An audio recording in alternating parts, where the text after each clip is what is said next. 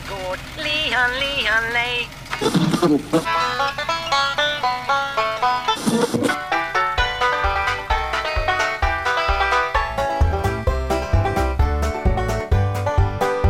Du lyssnar på Bondepraktikan presenterad Bulletin.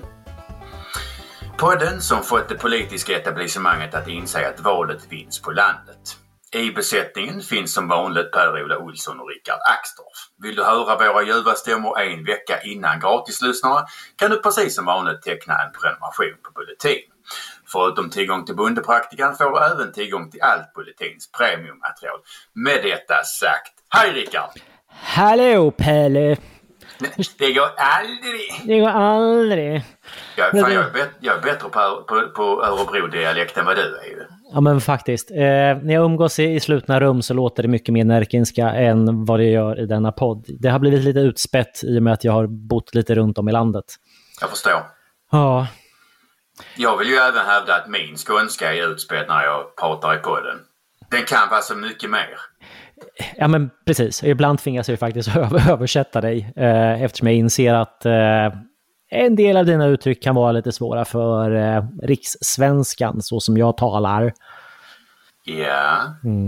Jag brukar försöka framhålla, fram, eller jag brukar påpeka att man har aldrig upplevt riktig rasism förrän man åkt till Stockholm, pratat skånska och hetat Per-Ola Olsson. precis. Och dessutom går runt i, i såna här reflexkläder.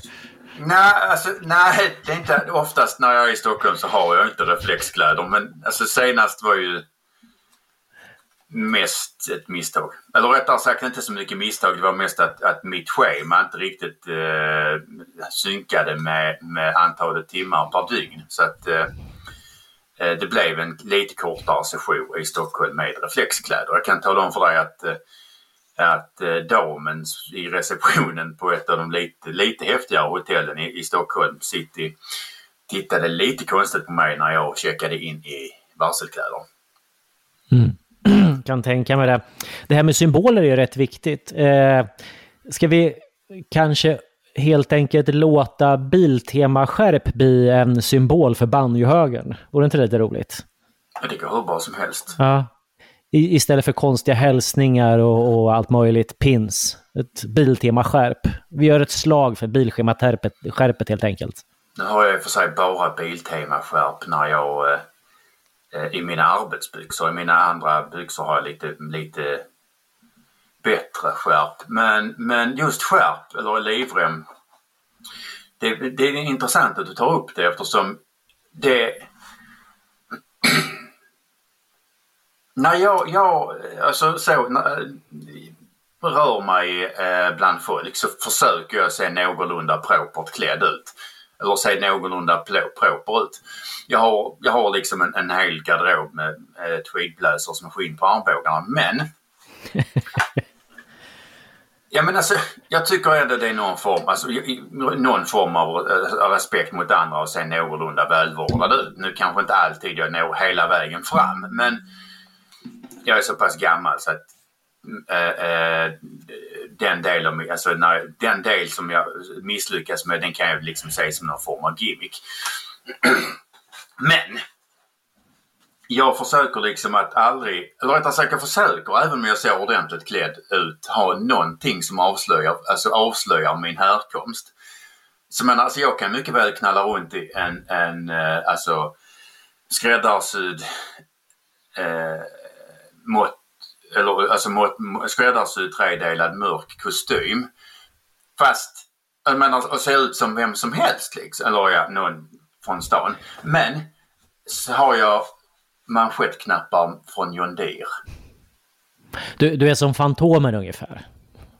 Jag, ska, jag skulle med vilja påstå... Mr Walker, är det du? Det händer att Ja. Per-Ola åker till stan och då sätter han på sig sin trenchcoat. Det enda, det enda som avslöjar honom är manschettknapparna istället för Fantomens dödskalleringar som han Lite aldrig tar så. av sig. Lite så. För, alltså, men alltså, jag tycker, jag tycker det är ett, Jag tycker det är alltså, dels viktigt för min egen skull att ha någonting som visar var jag kommer ifrån. Alltså eller påminner om var jag kommer ifrån. Dels ha någonting som faktiskt visar för de som förstår. Mm. För, för, man, för man, de flesta känner ju, alltså man förstår ju inte vad, alltså man känner ju inte igen en manschettknapp med John Deere-hjorten på. John Deere är alltså ett traktormärke.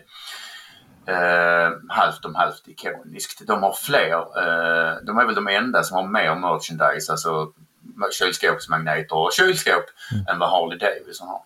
Nu är det här lite intressant för jag tror att just John Deere tror inte jag du behöver förklara för den urbana lyssnaren. Eftersom det är väl typ den enda t-shirten man kan ha på sig och komma in på finare restauranger fortfarande.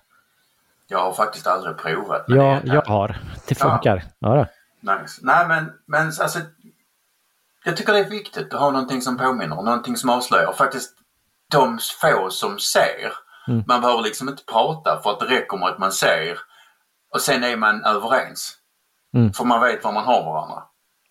Jag tycker, alltså kläder är ju lite intressant. Eh, till att börja med så är det ju en kioskvältare i sig att du och jag sitter och pratar kläder. Men i alla fall.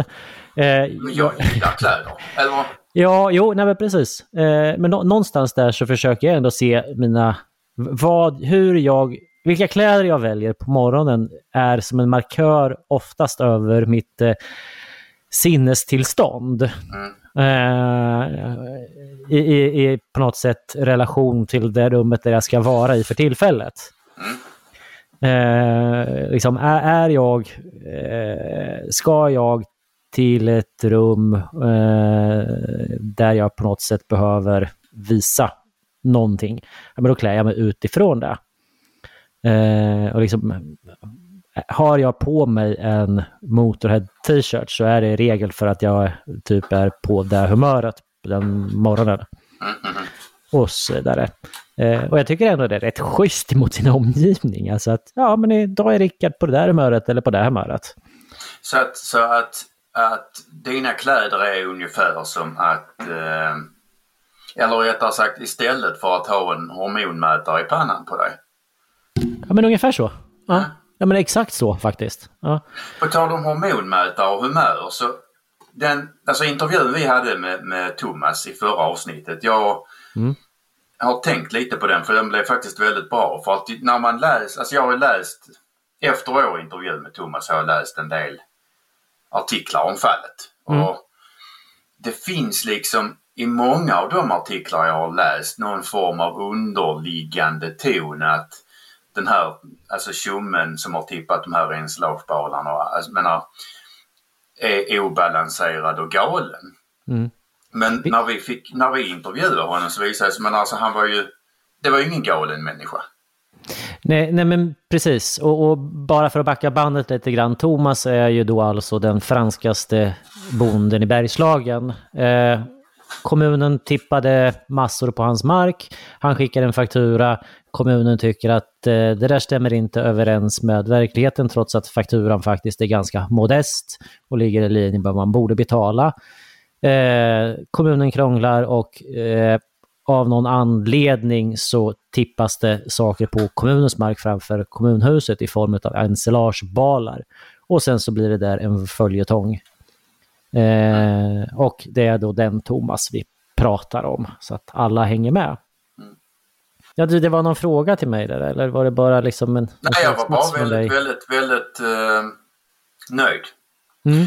Men... Vi, vi, vi, vi, kan ju säga att vi har fått väldigt god respons också. Eh, det är många som hör av sig och, och det är liksom, eh, slutsatsen blir ju någonstans att Thomas är ju en i mängden. Eh, det finns fler som säger ifrån, men det borde på något sätt vara många, många fler som säger ifrån. Mm. Men att man inte riktigt törs. Det är för att det blir surt efteråt. Eh, och man har inte tid och man orkar inte, det är dyrt och så vidare. Vilket är förståeligt. Det är ju så. Nej, men min, min, fråga kan komma nu. Vad har du dödat sen senast? Oj, ja, eh, ja det, den här dagen har varit lite stressig rent allmänt sådär. Så, att, så du eh, hann inte döda någonting? Det, du liksom... ah, jo, Jo, Får jag skämmas för dig hela tiden? Nej, nej, nej, nej. Det är väl klart att jag har dödat någonting. Eh, I själva verket är det faktiskt som så att eh, jag har, eh, jag har dödat en skog. En hel skog? Ja, faktiskt. En hel himla skog. Berätta. Ja, men alltså det, det, det som har hänt är ju då att jag har... Vi börjar för väldigt, väldigt länge sedan. Den skog som nu idag är antagligen den finaste, vackraste gammelskogen i hela norra Närke. Eh, när pappa var ung, alltså någon gång på 40-talet, eh, då fanns det ingen skog där alls. Det var, det, utan det här är eh, handmade. Det är, en, det är uppkommet på ja, onaturlig väg, det vill säga via människor. Eh, och den här skogen är då gallrat flera gånger. Senaste gången det gallrades var 1994. Eh, och nu skulle nog rätt många liksom beteckna det här som att det här är en natur, naturskog, eller en gammelskog eller någonting i den stilen. Då. Väldigt sådär exotiskt. Så sen i morse så brummar det en jättestor skördare av märket baram, baram, baram. Jag tror ju. Just det. Så det går, nu ska vi se, den kan, ja, jag törs inte gissa på vad den heter. Eh, men det, den, den, är stor och den låter och den går där. Eh, när jag var uppe i morse så höll man på att eh, un, underröja. Så det gick ett gäng eh, killar och röjde med röjsåg och tog bort alla småträd. Så nu ska vi sanera bort alla granar eftersom granarna börjar på att bli gamla. Man ser att barren börjar på att försvinna och det här blir nu exponerat för eh, allsköns olika otyg som grönbarkborre och eh, rötvedssvampar och så vidare. Så här gäller det liksom att casha hem så fort det bara går. Men då, då blir det ganska många pinnar. Det blir många pinnar och, och eh, nu har vi ju haft en debatt ganska nyligen liksom där det är, det är haram att hugga ner träd. Vad ska du göra med alla pengarna? Ja, du, jag vet inte. Jag funderar på det här. Det är lite darrigt på elmarknaden, så frågan är om vi inte ska försöka placera delar av det här i alla fall i någon typ av anläggning för att slippa vara beroende av en eh, politik som eh, är väldigt darrig och en elmarknad som styrs ifrån kolkraftverk i Tyskland och fria marknader. Och, eller, ja, eh, så, så, att jag, Alltså det är billigare i Skåne idag, visst är det så? Att tanka bilen med diesel. I, i, i Skåne idag är det billigare att köra en, moder, en, en modern dieselbil än att köra elbil för att elen är så jävla dyr. Mm. Så jag tycker att vi borde införa LFA-stöd på, på el. Mm. Um, men okej. Okay. Mm. Jo, att, nej, att, men... Att, ja, ja, fortsätt Ja, nej men så här så att det, det, jag, jag har dödat en, en, en hel en biotop. För här, här blir det ju någonting annat liksom. Det går det från en... Biotop. Det blir en annan biotop. Precis så. Eh, och sen så måste man ju då komma ihåg att eh, vi, vi har ju på något sätt en, en politik. Alltså inte en opinion, utan en politik som på något sätt drivs av en urban folktro som går på helt helt faktiskt på tvärs med modern forskning. Mm. Eh, om vi ska ta den seriösa forskningen. Och vi, om vi dessutom väljer den seriösa forskningen i Europa så landar vi liksom i den forskning som görs i Sverige utav eh, forskarna i regel på Sveriges lantbruksuniversitet.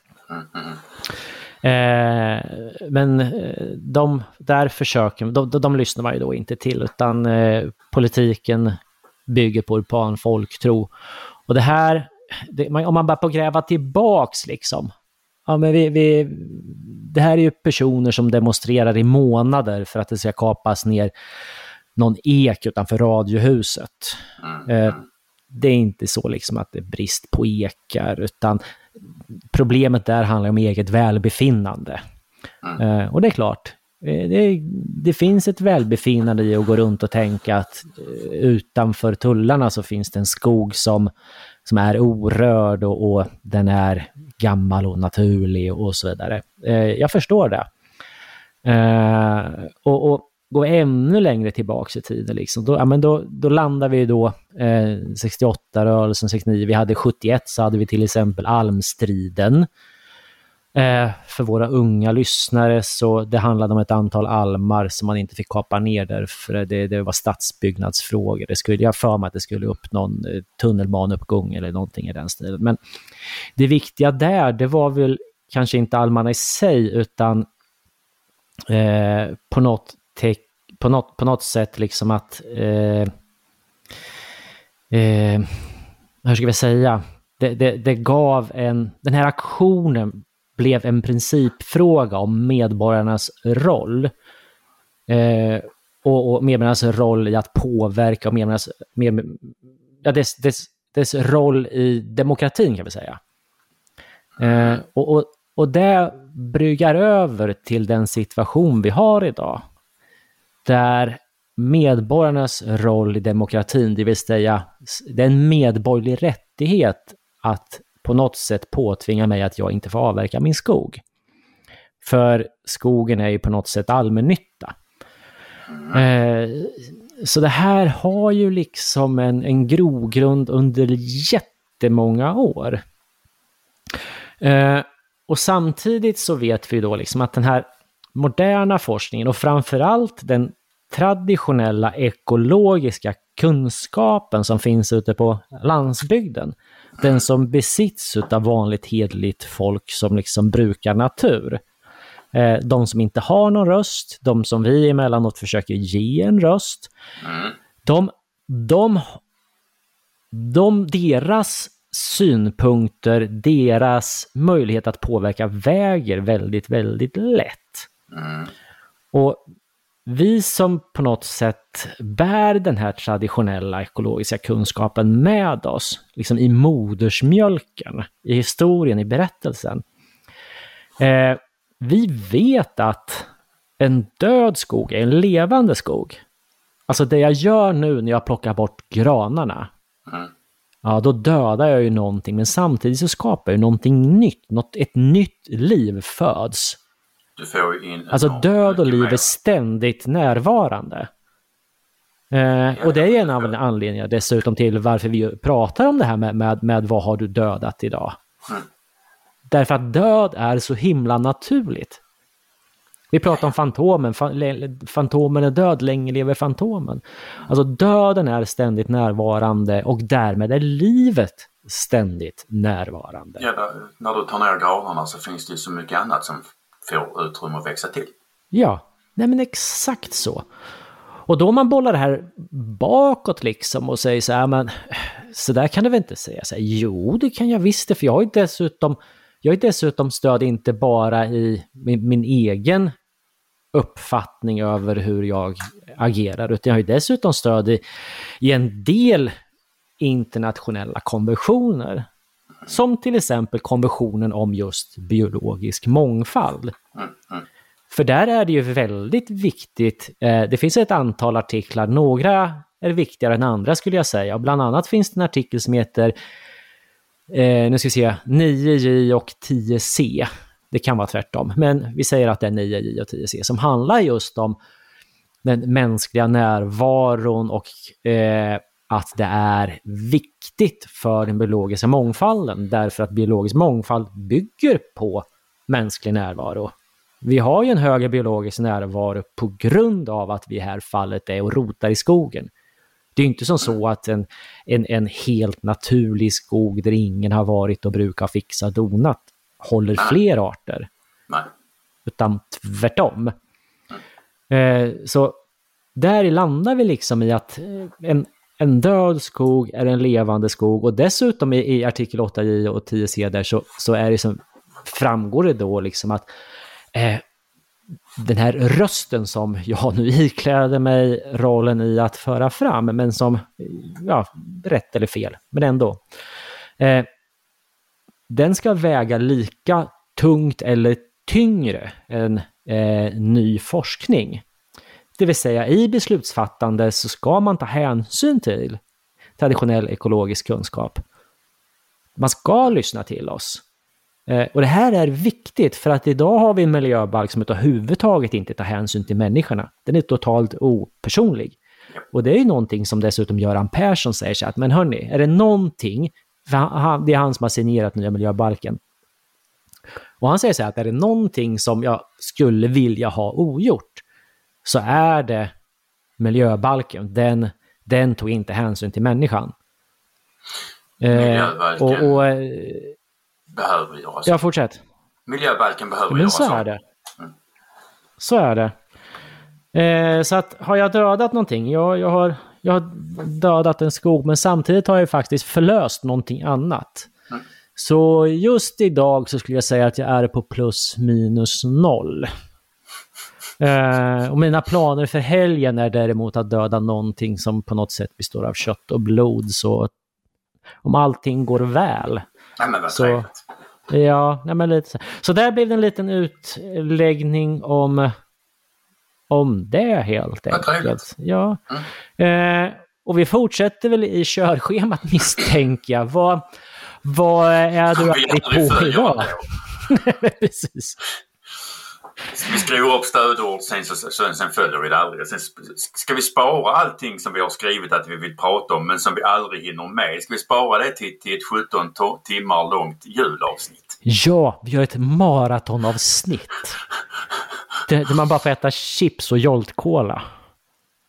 Ja, Ja, och sen pratar vi hur länge som helst. precis. Om allting som vi inte har hunnit prata om innan. Du frågar mig vad jag är arg på och, och det jag är arg på nu, här, eller idag, det är ju vad jag har varit arg på ett bra tag men som jag inte har hunnit prata om. Så att det här slipper vi prata om i jul i alla fall. Men jag är arg på amerikanska tranbär. Äntligen ska vi få höra det här. Åh, så vi har sett fram emot Äntligen. det. Eller jag Det var kanske... cliff- cliffhanger hur länge som helst nu. Ja, det har ju varit beklagligt nog varit det. Men... Eller jag kanske inte så mycket arg på, tra, alltså på tranbären som sådana men lite på företaget som säljer dem. Vi behöver ju inte nämna deras namn. Men eh, på min tid, det där lät jävligt gammalt. Mm. När far, far din och du var unga. Precis. Ehm, så fanns det ett uteställe i Hässleholm som hette likadant. Eh, nu kallar i och för sig ingen det med dess riktiga namn utan alla kallar det för Klamydiagrottan. Men alltså alla städer med, med självaktning har ju haft minst ett ställe som har hetat Klamydiagrottan. Okej, men, men stället hette egentligen Tranbäret, eller vadå? Nej, det heter något annat. Det hette, det hette samma som, som det här företaget som säljer de här tranbären. Ah, då förstår lyssnarna. Tack. Ehm, och det här företaget märker tranbären med att de är GMO-fria. Och det är de inte. För företaget köper sina tranbär från USA.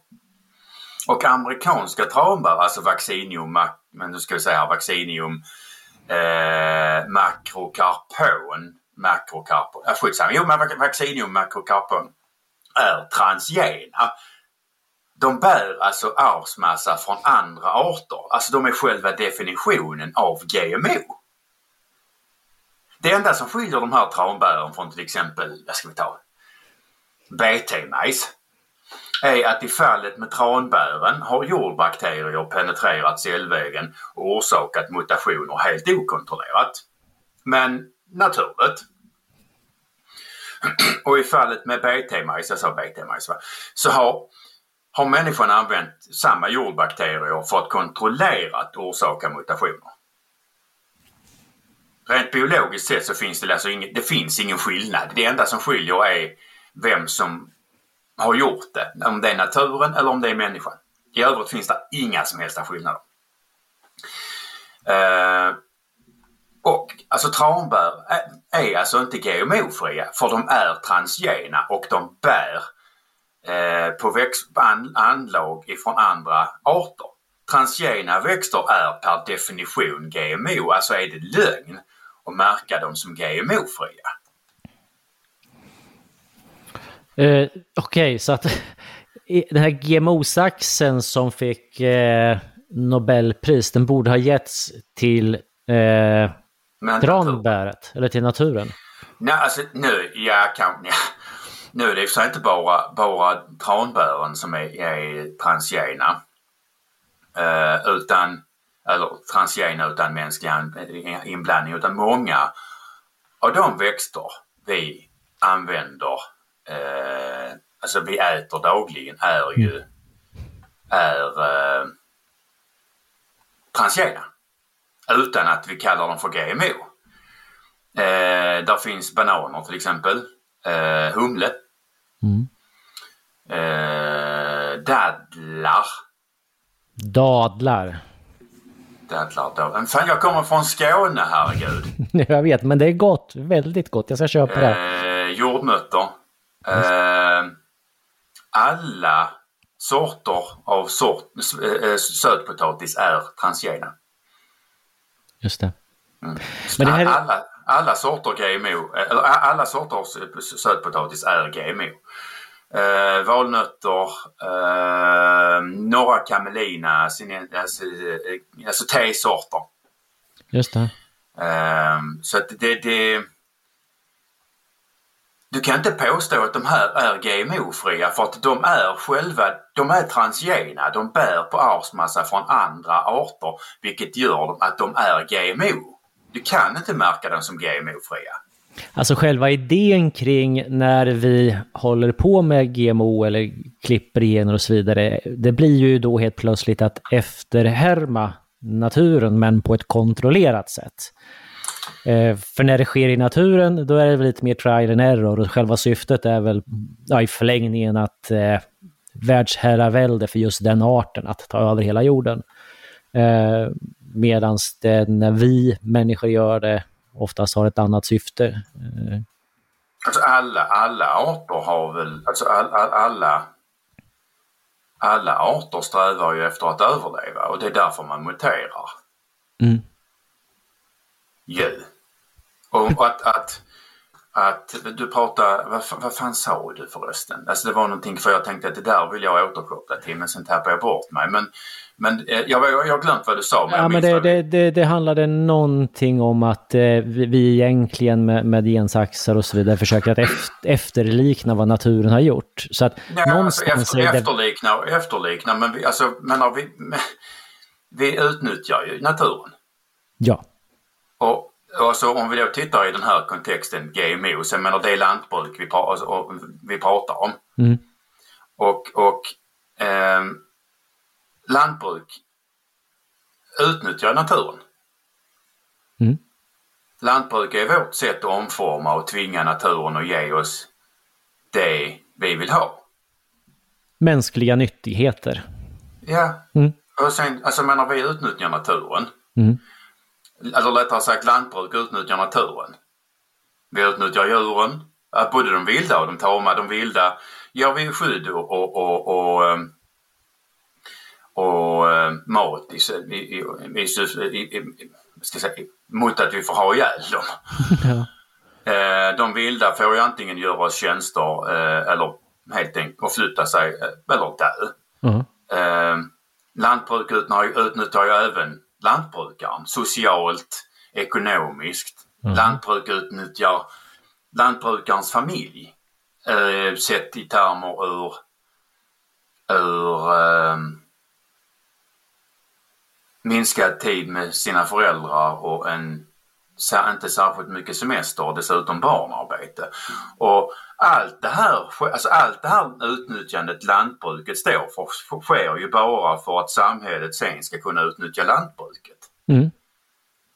Alltså det, det, det är ju typ inte bara lantbrukare per se som är, ja om man nu ska kalla det för onda och, och försöker bemästra naturen.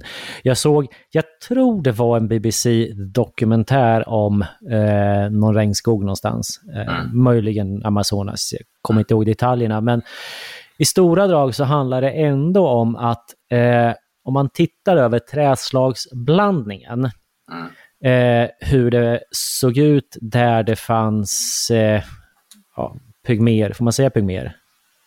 Eller vad säger man? Regnskogsfolk? Ja, skitsamma. Eh, om man tittar på trädslagsblandningen där så, så var det en överrepresentation av träd som var nyttoträd för människorna i förhållande till hur det skulle ha sett ut om inte människorna hade varit på plats. Jag är inte alls förvånad. Det, det var alltså träd som bar frukt som människorna kunde äta eller som bar frukt som djur kunde äta så som människorna sen kunde döda och äta upp.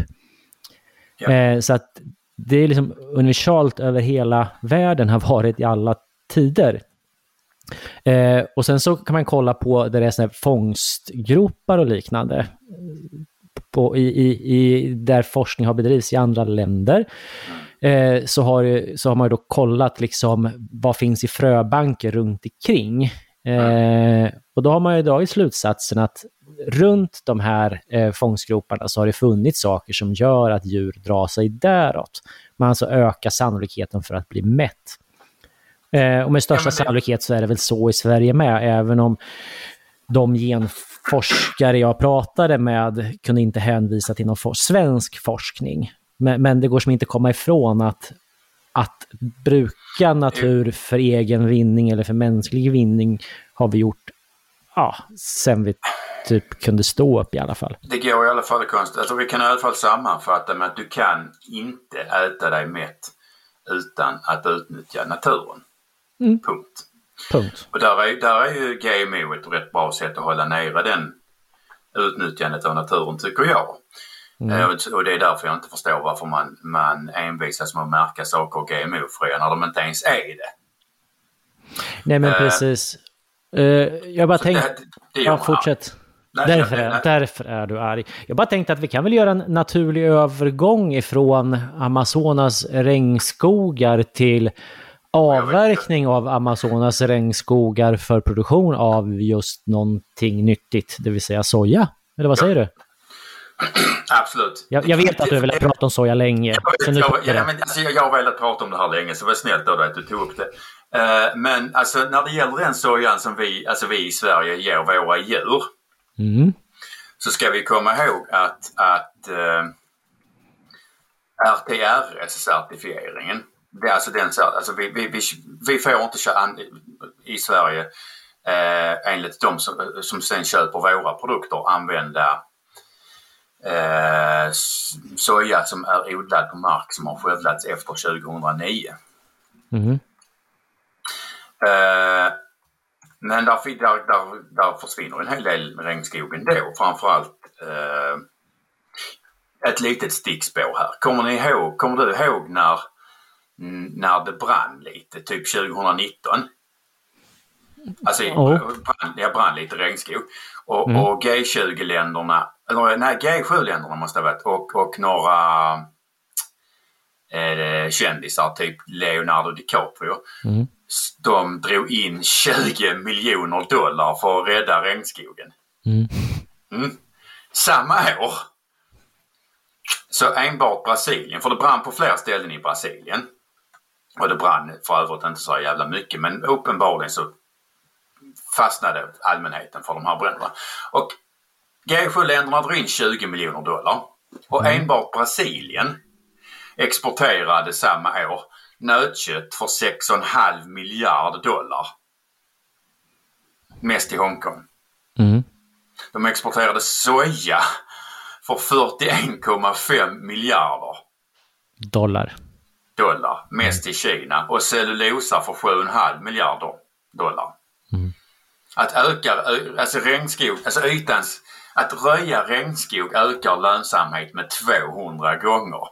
Men där kan du stå med dina jävla 20 miljoner dollar. Det är ju en piss i Mississippi.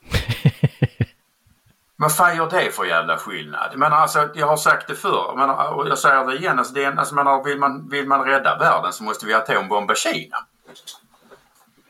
Det där var intressant. Jag var på någon slags, förlåt nu bryter jag av dig i någon slags logisk följd, men i alla fall. Jag var på någon sån här eh, Teams-möte eller seminarium. Jag tror att det var med någon så här AMF-stiftelse eller någonting. Mm. Ja, det var i alla fall. Man gjorde en utblick över hur det såg ut i världen och i framtiden och då dyker det upp då, det är olika import och exportsiffror från olika länder och då dyker ju då Kina upp som du säger. Eh, och en stor del av Kinas import är ju soja. Mm. Eh, och där sitter jag ju då som bonde med massa belästa typer eh, som är väldigt skickliga säkert på nationalekonomi och sådana saker. Eh, ja. Men då börjar de prata om att kineserna äter, de äter ju så mycket soja. Och eh, det är ju soja i allt möjligt som de äter och sådär. Eh, och då försökte jag lite försiktigt påpeka att där ni ser är inte sånt som stoppas i munnarna på kineserna. I alla fall är det den lilla delen, utan den stora delen är väl troligen sånt som går ner i grisar. Eh, jag Ja. hoppas att jag inte ljög, eller hur? Vad tror du? Nej, nej, nej, du ljög inte och, och, och, och eh, nu kommer ytterligare ett stickspår här. Men alltså jag var på, på ett, eh, någon form av symposium där de hade en överdrivet, eller ett av passen leddes av en så överdrivet entusiastisk processledare som så talade lite lätt teatraliskt och med magstöd. Och hon frågade publiken, vad är ni villiga att offra för klimatets skull? Och ingen sa någonting. Jag tror hon var inne på typ köra mindre bil, sluta äta kött, sånt skit liksom. Och eftersom ingen sa någonting så räckte jag upp handen. Mm. Och när hon pekar på mig jag bara Kineserna! Eh, det var inte riktigt vad hon hade, hade förväntat sig. Eh, men, men alltså just det här Åh, ja, ibland har jag inte hört alla dina grejer. Det var en ny. jag misstänker att det var rätt många som spottade ut kaffet just nu. Ja, det, var, det, det, det, blev, det blev lite konstig stämning faktiskt där. Um, ja, men i vilket fall som helst så, så för, alltså, bara en liten kort stund med Kina innan vi fortsätter. Så, alltså Kina har 710 miljoner grisar. De har, fe, alltså, de har 55 procent av, av, av världens alla grisar. Repetera Ja. där en gång till. Ki- Kina har 55 procent av världens alla grisar. Och sen köper de en hel del utifrån. Men alltså när de fick svinfeber så tappade de ungefär 30 procent av sin produktion. Mm. Och 30 procent av Kinas produktion motsvarar alltså den sammanlagda produktionen hos USA, Kanada, Mexiko och Brasilien. Eller hela Europas grisköttskonsumtion.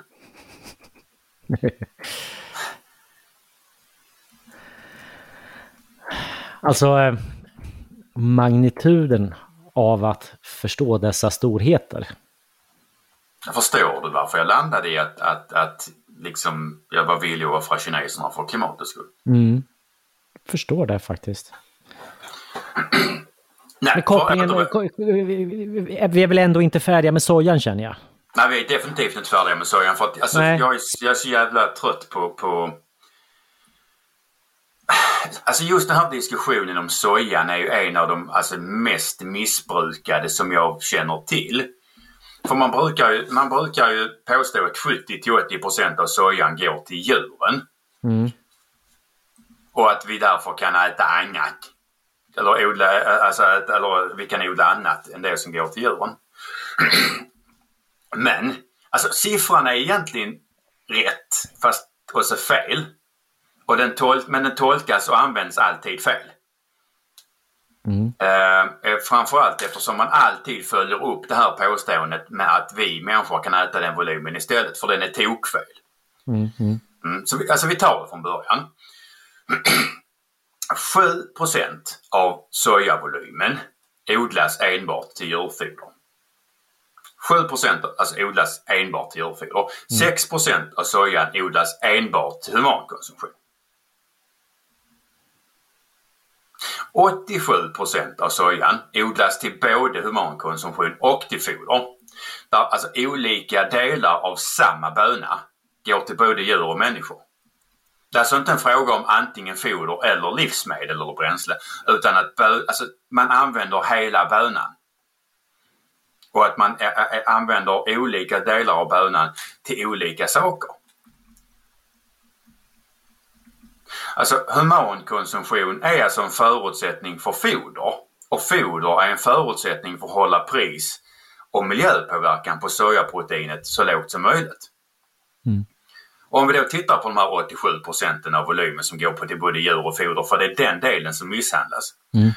Ja, så, ja, du vet hur man odlar bönor och sen kommer de till fabriken. Eller ja, man tröskar dem och sen kommer de till fabriken. Och då pressar, man ut oljan ur bönan precis som man gör med solrosor eller raps eller vad fan som helst. Mm. Och bönan består ungefär 19% olja. Mm. Så när man pressar ut oljan och sen har man då alltså kakan kvar. Ja. Ja, men vi börjar med att titta på oljan. 80% av oljan som man pressar ur, den går till humankonsumtion. Och 20% går till drivmedel och smör, smörjmedel och så vidare. Mm. Det används mindre än 1% till foder. Av, av oljan. av oljan. Ja. Eh, Det är, det är knappt mätbart. Men alltså det är, alltså det är så samma, samma tillvägagångssätt som vid pressning av rapsolja, solrosolja, vad fan som helst. Mm. Mm. Och sen har, så har, nu har vi avhandlat oljan. Som sagt 80 går till humankonsumtion, 20 till drivmedel, pytte pyttelite går till foder. Mm. Nu har vi kakan kvar. Alltså vi har ett enormt berg av kaka. Skiten som blir över. Mm. Och det är det här man då har, alltså, kör fel när man påstår att 80% av sojan går till djuren. Det är 81% faktiskt av, av, eh, av, eh, av kakan. Eller rättare sagt det är 81, 81 av bönan eftersom vi har, vi har tagit bort de här 19 procenten olja. Mm. Och Mm. kvar, kvar har vi 81 bö, alltså kaka. Mm. Eh, och den, den här kakan den ger vi sen till djuren för den är ett ypperligt proteinfoder. Mindre än 1% av kakan går via syratvätt och eller fermentering till humankonsumtion. 90 99% av kakan, eller mer än 99% av kakan går till djuren. Mm. Alltså sett till kilo så är det ju en jävla massa men det spelar ju liksom ingen större roll eftersom vi inte kan, om vi inte kan ge det till djuren så är det sopor. Just det. Men för, för djuren har det ett högt värde men för, eftersom sammansättningen av aminosyror gör det till ett jävligt bra foder. Men har vi det, ger vi det inte till djuren så är det sopor. Så jävla enkelt är det. Mm. Och tack vare att oljan är dyrare än kakan så utgör den knappt hälften av värdet av sojabönan. Trots att den bara utgör 19% av innehållet. Så skulle man odla soja för att stoppa enkomt i djur, då skulle man inte odla soja. Nej, det, så djuren har inte råd att betala det. Exakt så. Och skulle vi, skulle vi odla, bara odla soja till humankonsumtion så hade vi fått fälla hela regnskogen. Mm. För vi hade tappat, en, en, alltså vi hade tappat jättemycket protein. Precis.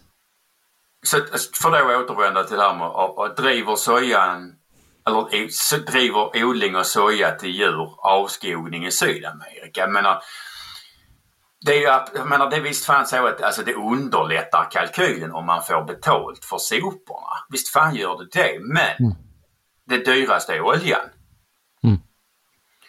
Och vi har dessutom en större efterfrågan på olja än på kaka. Så att, alltså svaret får väl vara till största delen nej. Det här går ju liksom inte att, vad ska vi säga, bevisa men för det enklare, för att göra det lite tydligare så tar vi, gör två tankeexempel. Vad hade hänt om vi slutade ta tillvara på oljan och bara körde allt i foder? Mm. Men då hade alltså odlingen hade i stort sett upphört eftersom djuren inte kan betala för ett nästan fördubblat pris på protein. Så Just. jävla enkelt är det. Just. Eller, och vad hade hänt om vi slutade använda kakan till foder och bara tog tillvara, tillvara på oljan? Mm. Vi hade först och främst fått en dubbelt så dyr, eller till och med drygt dubbelt så dyr sojaolja. Odlingen hade varken upphört eller minskat. Odlarna hade bara, liksom bara fått hämta hem de här uteblivna intäkterna på eh, som, alltså uteblivna intäkterna från kakan hade de fått hämta på oljan istället. Mm. Och det finns utrymme för en höjning på sojaolja, så jävla enkelt är det. Dessutom så hade ju, ja, eh, alltså, hade ju sojaodlingen och avskogningen av, av regnskogen ökat enormt eftersom om vi inte kan förädla kakan via djuren Mm. så försvinner 70% av världens proteinfoder. Precis. Och vart ska det hämtas? Det får vi, det får, det får vi helt enkelt, vi får fälla mer regnskog och odla soja där istället. Mm. För, för vi, vi, alltså menar vi kan, vi kan, alltså.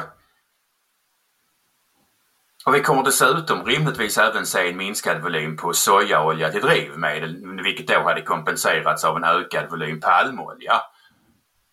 Vilket då hade gett, alltså menar, vil- vilket gör att vi hade fått fälla hela jävla Borneo också.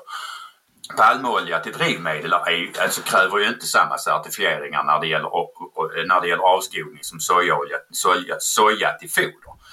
Där kan de ju fälja fritt fram. För att återknyta till kineserna innan jag fortsätter prata om sojan så durian som är ett fruktansvärt äckligt. Eh, där 1% av kineserna har, har, har ätit durian och durian har redan börjat konkurrera med palmolja när det gäller odling. Eh, så, så att för att återvända till sojan. Den absoluta lejonparten av världens sojaodling går alltså till ett samspel mellan både djur och människor. Och det är inte antingen eller. Det är både och. Och som sagt, de som tycker att vi ska odla mindre soja. Eh, de gör helt enkelt bäst i att tycka att vi, vi, eh, eller bäst effekt har vi av att helt enkelt atombomba Kina. Näst bästa utväxling har vi av att sluta äta kyckling. För nästan hälften av kakan, alltså sojakakan, går till kyckling. Kyckling och kaka har haft en i stort sett identisk utveckling de senaste åren. Så att kyckling driver efterfrågan på kaka i så fall. Och ska vi nu fortsätta prata siffror så är det bara 2% av kakan som går till mjölkproduktion och 1% av kakan som går till nötköttsproduktion. Det jag vet om som sagt, det här var jävligt mycket men lejonparten av, av, av världens soja går i det korta perspektivet till ett samspel mellan djur och människor. Och i det långa perspektivet enbart till människor eftersom vi förädlar kakan via djuren. Vi äter inte kaka. Och att 80% att liksom påståendet att 80% av sojan går till djuren är ett tramsargument eftersom kakan blir foder för att den finns. Den finns inte för att bli foder och det finns ingen alternativanvändning. Och vi kan även sluta oss till att soja till foder inte konkurrerar med soja till humankonsumtion eller drivmedel. För att alltihopa kommer till från samma böna och avskogningen hade ökat om vi inte hade gett djuren soja eller presskakan. Nu är jag färdig. Eh, jag ser ju Per-Ola när han sitter och pratar framför sin mick och det viftas väldigt, väldigt mycket och han ser väldigt allvarlig ut när han sitter där i sin hoodie i Skåne. Eh, vi kan väl, det står Va, va, va, nej, det ska vi inte tala om vad som står på den t-shirten, eller hoodien, förlåt. Eh, men det vi däremot kan konstatera är väl att återigen är det någon slags urban folktro som driver politiken eh, och inte verklig kunskap om hur sammanhangen funkar. Eh, jag konstaterar... En folktro som dessutom är skadlig. Nu kan ja. du fortsätta. Ja, men som dessutom är skadlig. Jag konstaterar att tiden går och att vi har ett antal punkter som vi får cliffhanger på. Bland annat så är punkten anonym igelkott och bristande förmåga att få erektion. Det är två punkter som väl kanske kommer i nästa nummer utav Bondepraktikan. Därmed så eh, avslutar jag detta, detta avsnitt med att eh, du har lyssnat på det tolfte avsnittet av Bondepraktikan som är presenterad av Bulletin. Och idag konstaterar vi att en död skog är en levande skog. Perola pekar på att växterna var före människan med GMO. Rickard gör ett slag för traditionell ekologisk kunskap och har som sagt dödat en skog. Per-Ola å andra sidan är beredd att offra kineserna för både miljön och klimatet och förklarar att alla har fel om soja. Följ mig och Per-Ola gärna på Twitter, på Axdorf eller Snyggbonde. Gillar du det du hör så kan du lyssna en vecka innan gratislyssnarna och du kan genom att teckna en prenumeration på Bulletin. Är du lite snålare alternativt har tomt i kassan för att Magda har snott alla pengar så kan du även lyssna på oss en vecka senare på bondepraktikan.eu. Och med det så tackar jag Rickard Axdorff och Per-Ola Olsson för oss. Tack! 行个